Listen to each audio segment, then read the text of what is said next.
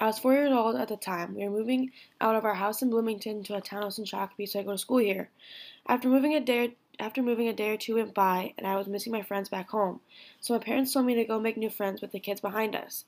I was scared I wasn't scared to make new friends because I was a pretty outgoing kid when it came to talking to kids my age, but meeting adults, I was always shy, which was weird.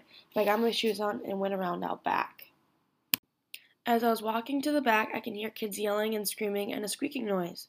As I turn the corner, I see about 20 kids playing on the playground, which was the squeaking noise. Some kids were on the playground, others were playing tag, kickball, and even a game of baseball. I just stood there and watched for a moment because I didn't know anyone. I was nervous.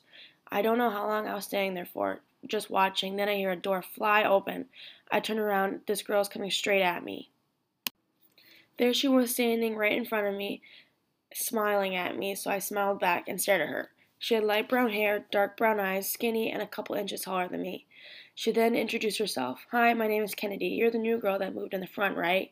And I said, Yeah, I moved here a couple days ago. My name is Genesis. We then started talking about ourselves, like how old we are, and we were the same age, starting kindergarten at Red Oak Elementary. After meeting and getting to know her, she invited me to play with her at the park. Of course, I said yes. That's when I met her twin brother Cole. I was really confused. They didn't they didn't look anything alike. He had short blonde hair, blue eyes, and a little bit taller than Kennedy. She said, You're probably confused. Then I said, Yeah, I actually am.